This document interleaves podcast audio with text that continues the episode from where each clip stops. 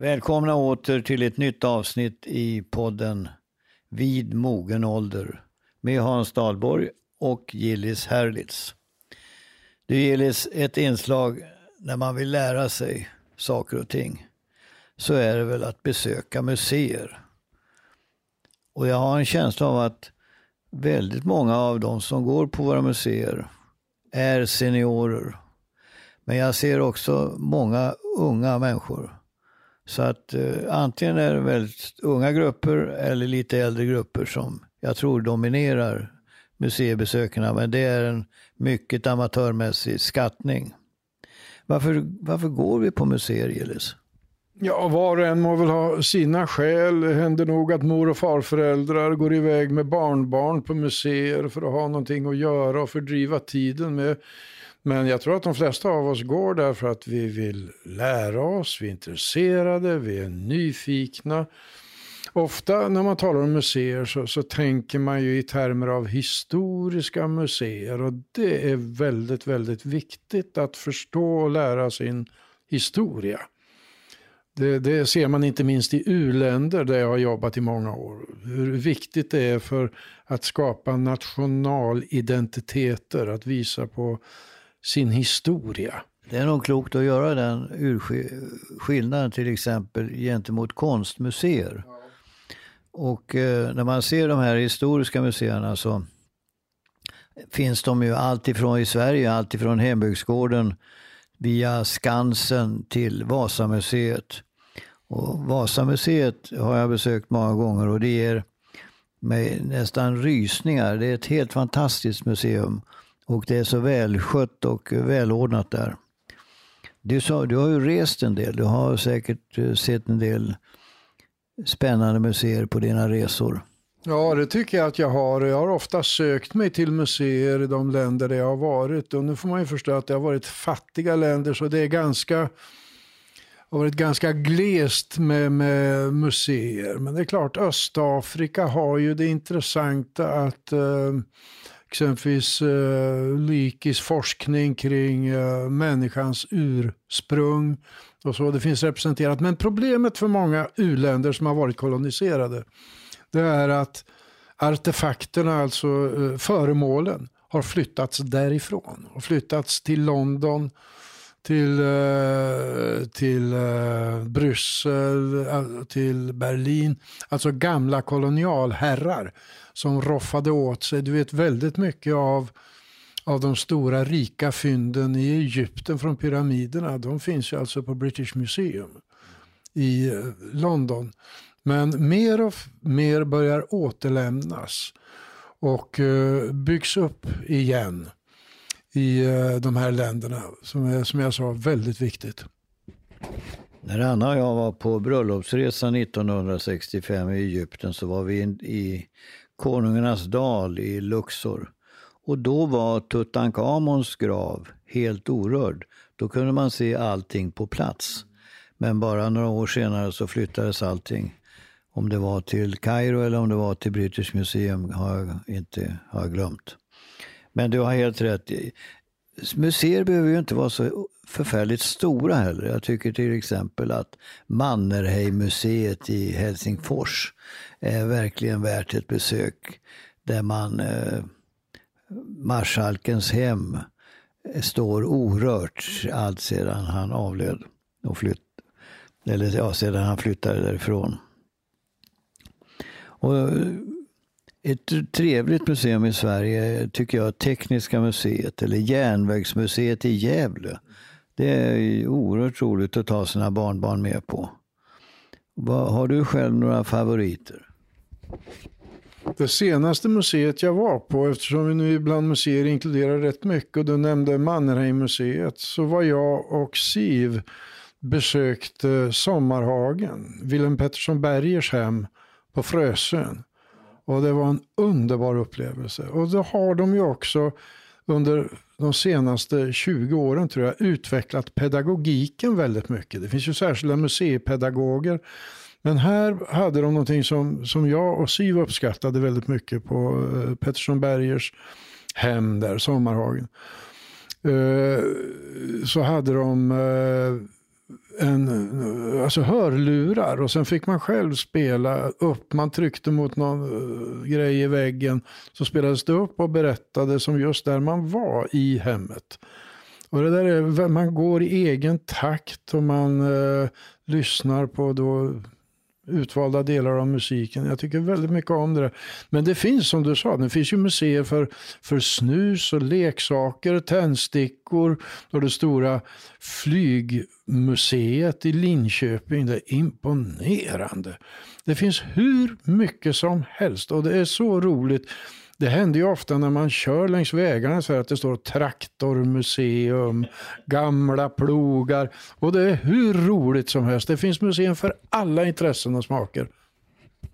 Ja, nu nämner Petersson Berger-museet så man måste ju säga även Zornmuseet i Mora är, är otroligt spännande att se. I Berlin som vi var för ett tag sedan Det var ju många museer, men ett som etsade fast i minnet var ju eh, Stasi-museet och DDR-museet. Hur det såg ut på den tiden, på den sidan muren. Ja, och sen får man ju säga de här hembygdsgårdarna och eh, Skansen och Vasamuseet. Det är naturligtvis att det förstärker känslan av att det finns ett kulturarv att bevara. Och eh, med det sagt kanske vi skulle spela ett litet stycke.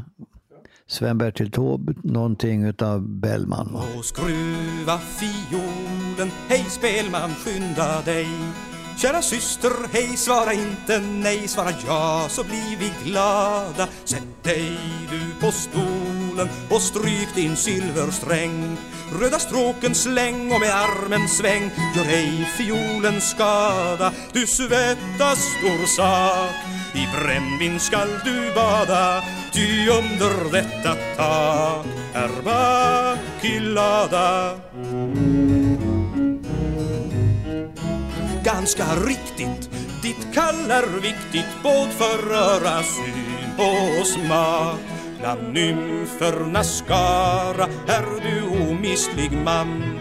Du både vill och kan mer än någon annan. De unga hjärtan binda och kärleken snara. På dina strängar står.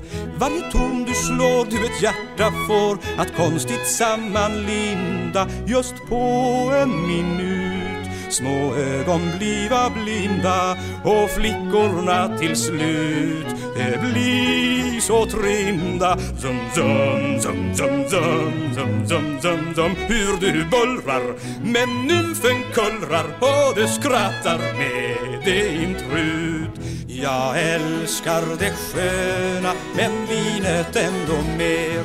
Jag på båda ser åt båda ler men skiljer ändå båda En nymf i det gröna och vin i gröna glas. Lika gott kalas båda om mig dras Ge stråken mera kåda. Konfolium tag där ut i min gröna låda.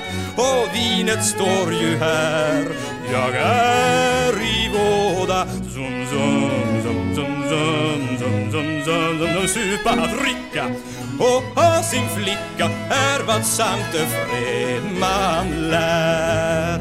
När man inte talar om historiska museer så är det i regel handlar det om, när, om konstmuseer. De kan vara stora, mäktiga museer som Louvren i Paris, Ermitaget i Sankt Petersburg, Prado-museet i Madrid.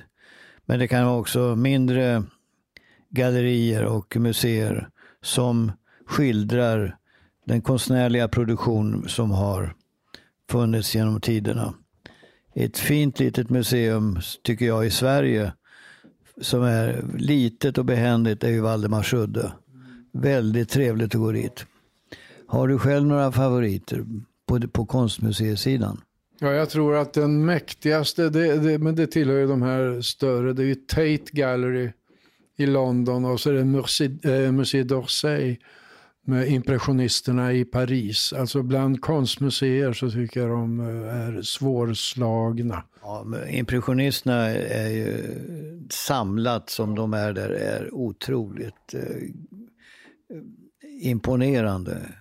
Eh, man blir berikad av att eh, gå där. Ja, en typ av museer som har tilltalat mig väldigt mycket, eller intresserat mig mycket beroende på min, min bakgrund och utbildning och mitt intresse. Det är de så kallade etnografiska museerna. Eller folkloristiska museer. Ja, jag ser hur människor har valt. Jag tycker det är så intressant om jag går på ett museum, etnografiskt museum i Asien eller låt oss säga i Mumbai eller i Addis Abeba i Etiopien eller, eller ett i Belgien. Så ser man hur människor har strävat efter att klara livhanken med tekniker som ser ganska så likartade ut en gång i världen.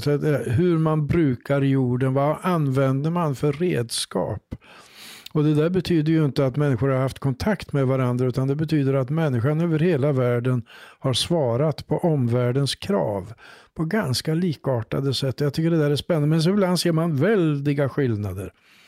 Vi talade vid någon podd talade vi om dans. Man kan se dansmasker exempelvis från Västafrika eller Papua Nya Guinea. Hela det här folkloristiska Eh, är så lärorikt och det är så intressant med de etnografiska museerna. Inte minst när man som exempelvis Etnografiska museet i Stockholm har börjat göra det lite nutidsorienterat också. Det vill säga man väljer ut etnografika från vår samtid. För den säger någonting. Vad är det för varor som används idag? Och vad säger den om vårt liv. Det är inte bara intressant för de kommande generationerna. Det är intressant för oss själva idag. Museerna har fått ett allt bredare uppdrag vilket tilltalar mig. Inte bara det pedagogiska utan också att koppla till nutid och, och så. Det, det tycker jag är så spännande. Naturligtvis har du rätt i det. och eh, Det här skulle vi kunna tala om hur mycket som helst. Jag kan tycka till exempel att när man i det så genomarbete eh, eller prä, genompräglade jordbrukssamhället som Sverige var kunna så småningom ägna sig åt järnframställning. Från, det är en ingenjörskonst som är enormt beundransvärd. Hur förstod man att man kunde ta upp myrmalmen? Hur förstod man hur man kunde behandla, få loss, få ut, eh, utvinna järnet ur malmen? Hur förstod man att bearbeta järnet med stång, järnshammar och vad det nu kan vara? Helt oerhört imponerande. Och eh, alla dessa hyttor som så småningom då växte fram i Mellansverige. Det krävdes fantasi, kunskaper och en oerhörd drive för att komma fram till hur man skulle göra. Ja, här krävs det kanske också en liten uh, lite musik. Så kall ner om handen ur La Bohème med Jussi Björling. Så kall ni är om handen, låt mig vara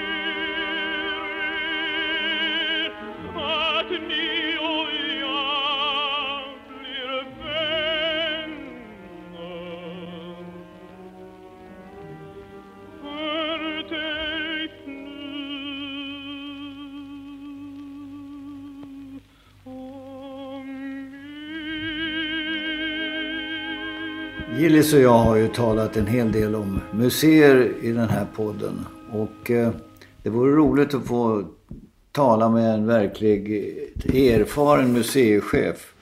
Och vi är nu i den lyckosamma situationen att vi har fått träffa Marika Hedin.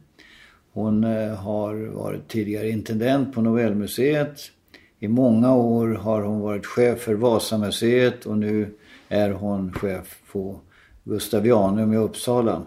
En gedigen erfarenhet från museiverksamhet. Och eh, den första frågan kommer väldigt naturligt. Vad är det som har lockat dig genom åren att lägga ner hela din yrkesverksamhet på museer? Ja, man kan säga att det var en förälskelse eh, som inträffade för mig. Eh, jag har alltid tyckt om att gå på museer, tyckt att det har varit roligt. Men eh, i slutet av 1990-talet blev jag indragen i förberedelserna för just Nobelmuseet. Och eh, jag var då doktorand i historia. Jag kämpade lite med att koncentrera mig på avhandlingen. Det fanns mycket annat roligt att göra. Undervisade en del och redigerade en del böcker och så. Eh, och så fick jag det här erbjudandet då. Eh, och då så blev jag förälskad i museimediet. För jag insåg att museimediet är den där perfekta balansen mellan kunskapsuppbyggnad, eh, förmedling av kunskap och eh, publika platser som inte är sakrala och som inte är kommersiella men som ändå för människor tillsammans runt en upplevelse. Det var fantastiskt. Vacker beskrivning. Ja. Vacker beskrivning. Sen har jag aldrig eh, sett mig om och velat göra någonting annat. Ja, kul. Det leder ju omedelbart in på frågan vad, vilken roll tycker du att museerna spelar i dagens samhälle? Eller har spelat också? Ja, alltså de, det är intressant med museerna. Vi har ju här på Gustavianum en slags prototyp till ett bärbart museum, nämligen det Augsburgska konstskåpet. det, ja, Just det. ja, ja. från tidigt 1600-tal. Och eh, från de här eh, tidiga formerna av en slags samlingar av allt som användes av aristokratin för att visa att man var lärd och att man ville veta mer om världen och sådär. Så utvecklades ju museerna under 1700 och framförallt 1800-talet till den här blandningen som jag tycker är så fascinerande av eh, konkreta föremål som samlas in för att bygga kunskap om någonting och publika eh, hus där den, de föremålen och den kunskapen ska förmedlas, visas upp och förmedlas. Och den där skärningspunkten mellan kunskapsuppbyggnad, undervisning och faktiskt också upplevelse. Mm. För de där 1800-talsmuseerna blev ju eh, en slags eh, samlingsplatser också i de här växande storstäderna. Mm. Dit många flyttade på grund av urbanisering och, och, och, så under den tiden. De blev helt enkelt nya publika utrymmen. Mm. Så som kyrkan eller torget hade varit mm. tidigare. Eh, och den spänningen, den finns fortfarande kvar. Vad ska ett museum vara? Vilken mm. del ska betonas? Och eh, kanske var det så under det tidiga 1900-talet att det där med forskning och bevarande mm. trädde lite grann i förgrunden. Eh, det blev viktigare än att arbeta väldigt aktivt med eh, att bjuda in människor att uppleva mm. saker. Och sen skedde det en slags eh, revolution i museimediet och utställningar på 1970 och 80-talen. När de då blev väldigt publiktillvända och, och ändrade liksom tonen och skulle bli tillgängliga för alla människor. Och det var en period när man också reviderade synen på historien och vad som var viktigt. Så kungar byttes ut mot eh, folkets historia och då fick ju till exempel etnografiska mm. museer liksom en, en ny roll och så. Eh, och fortfarande idag så finns den där spänningen kvar. Men nu kan man säga att eh, i alla fall i Sverige och i alla fall när det gäller de kulturhistoriska museerna, det är inte riktigt samma sak för en del av de naturvetenskapliga mm. eller konsthistoriska, men de kulturhistoriska museerna har ju kommit att ägna sig mindre åt kunskapsuppbyggnad och mer åt den här upplevelsebaserade kunskapsförmedlingen. Eh, och det har fört med sig en del eh, utmaningar. Ja, klart. Eh, men det hänger ihop med, med den förändrade synen på pedagogik överhuvudtaget naturligtvis. Men eh, du talar om kulturhistoriska och andra historiska museer. Tycker du det är viktigt för människor att ta del av historien? Ja, jag är ju historiker själv, Nej, men, så det är klart jag, jag tycker. men eh, ja, det tycker jag. Därför att eh, eh, kunskap om historien, eh, hur man än definierar den, är väldigt viktigt för självkännedom och för eh, att begripa den värld man verkar i. Och då, i det ligger också att historien är aldrig statisk, den förändras alltid. Eh, hur vi ser på det förflutna och vad vi tycker är viktigt förändras. Men perspektivet behövs. Mm. Så det tror jag är jätteviktigt och jag är ju helt övertygad om att museer har en väldigt stor roll att spela när det gäller ett historiskt medvetande hos många människor. Ja, jag håller helt med. Du eh, sa att urbaniseringen innebar ett stort behov av museer. Då är frågan, de som flyttade från bondesamhället in i städerna och ägnade sig åt industriell verksamhet. Är det de som kom till museerna eller är det mera en, ska vi säga, en borgerlig överklass som, som var museernas stampublik?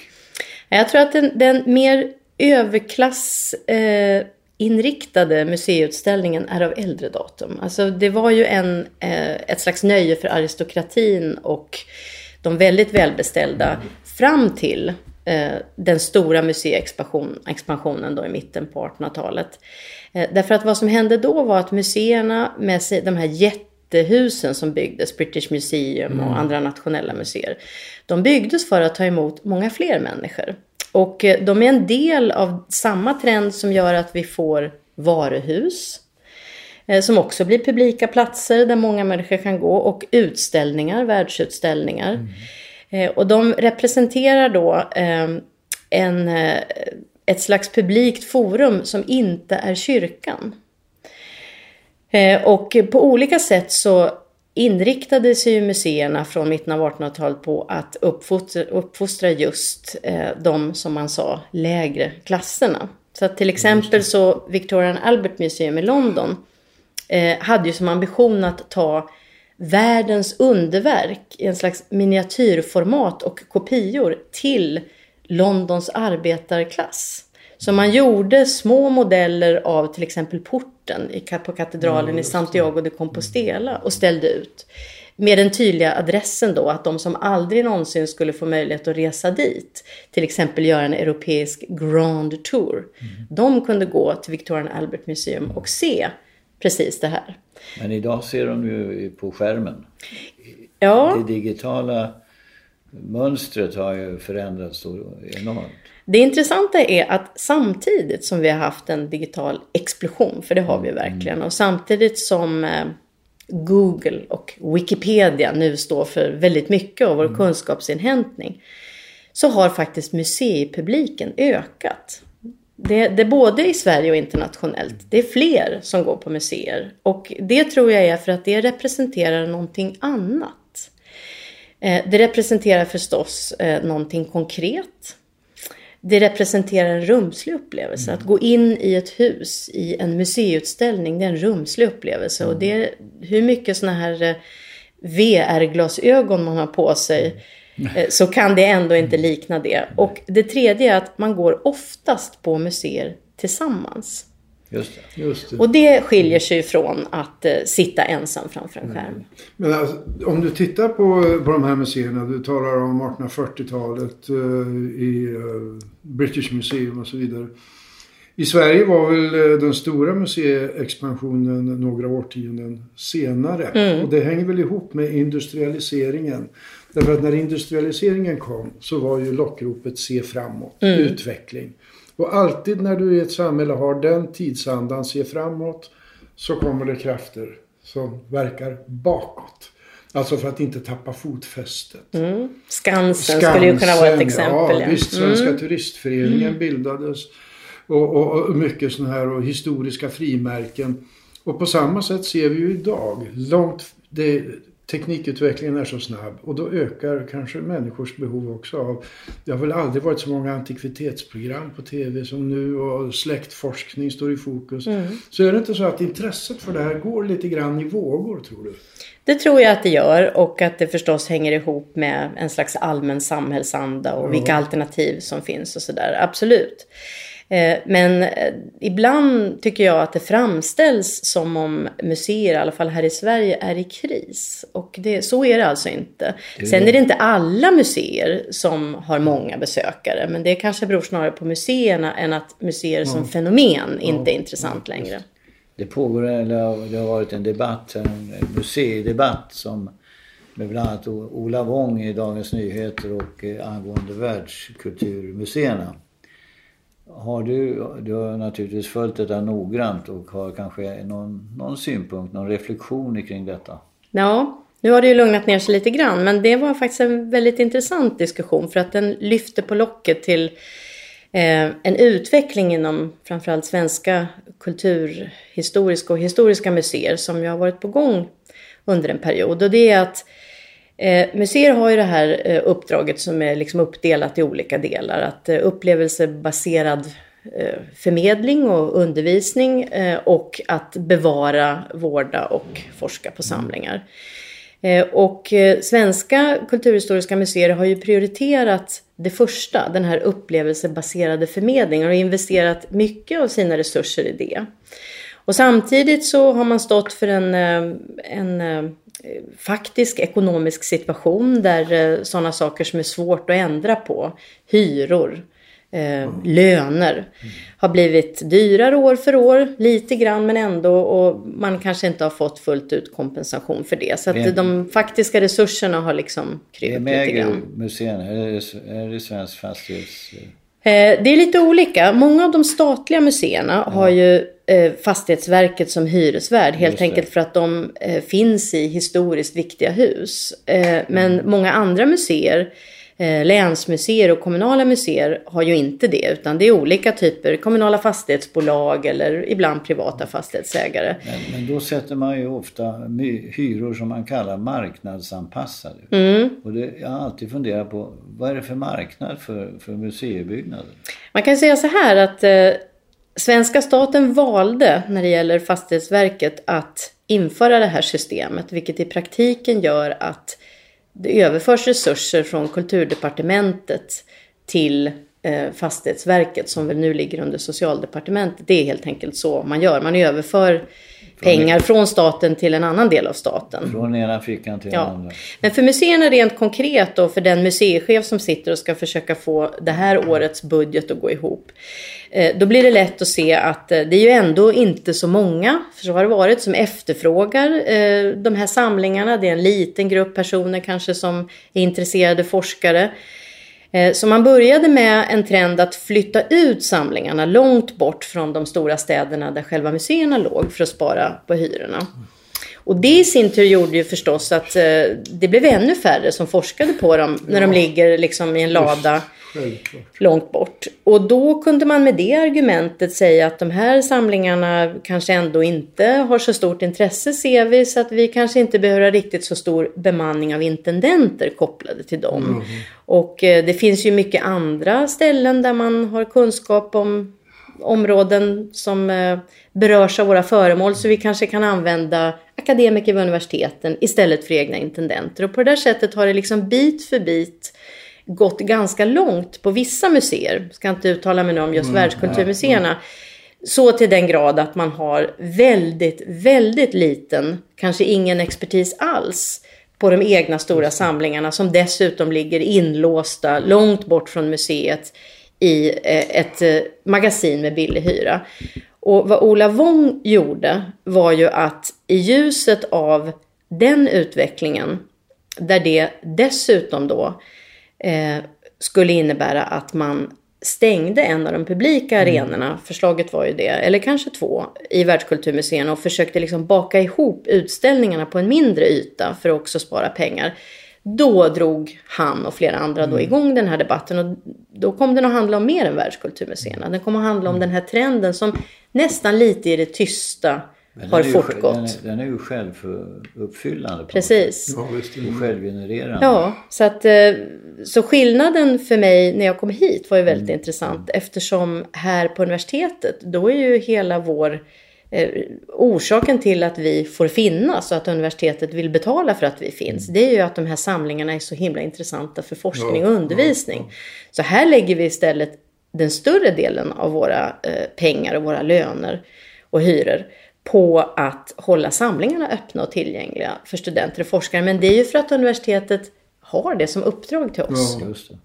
Det är ju en, eh, alltså själva Gustavianum som, som begrepp är ju välkänt och eh, attraktivt för besöksnäringen till Uppsala och naturligtvis för universitetet. Men en fråga i sammanhanget är, det, tar det väldigt lång tid från det att forskare kommer fram till någonting innan det kan presenteras för publiken i form av artefakt, alltså av föremål eller, eller beskrivningar eller så?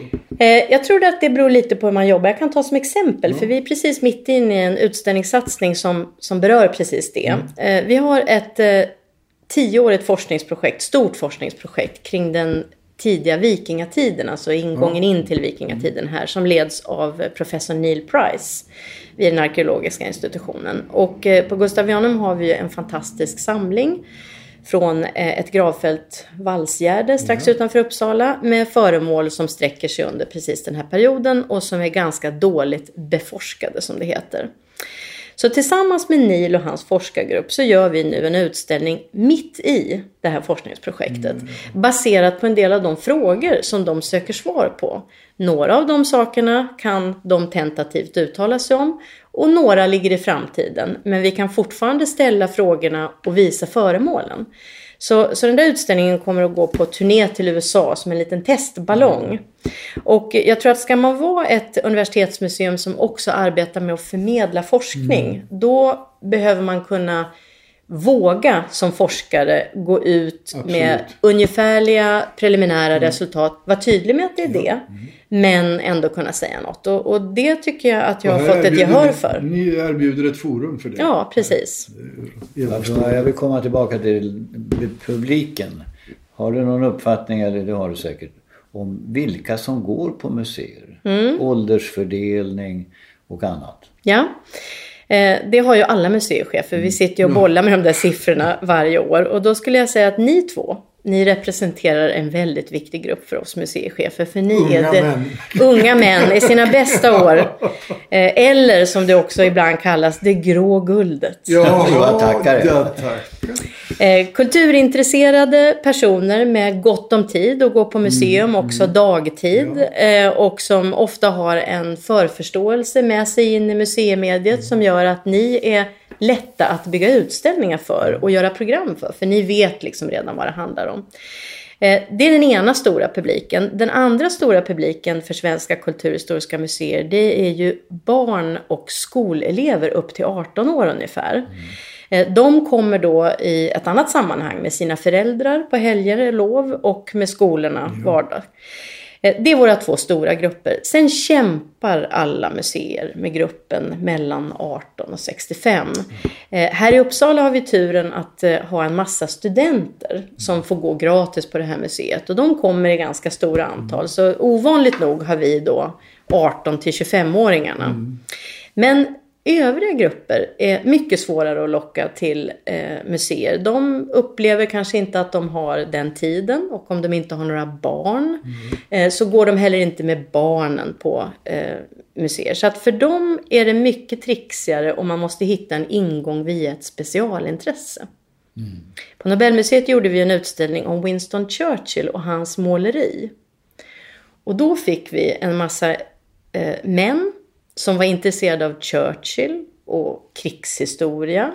Och som kanske var i åldrarna 40 till 65. Och det var en helt ny grupp för oss. Och det var just genom det, den specialingången. Spelar priset någon roll? Nej, faktiskt inte. Jag vet att eh, om man sänker eh, inträdespriserna eller tar bort dem helt, som nuvarande regering har gjort, då har försök i Sverige visat att de som ändå skulle gå på museerna går fler gånger på ett år. Däremot så når man faktiskt inte nya grupper. Eh, På det sättet. Så att eh, gå, är man museiovan och inte ser museet då verkar det inte spela någon roll om det är gratis. Möjligen kan man då gå in och låna toaletten.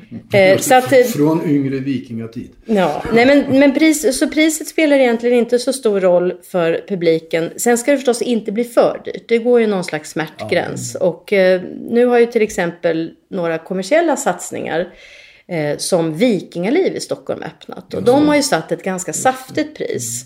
Eh, det blir dyrt för en familj med två vad, barn. Vad är priset?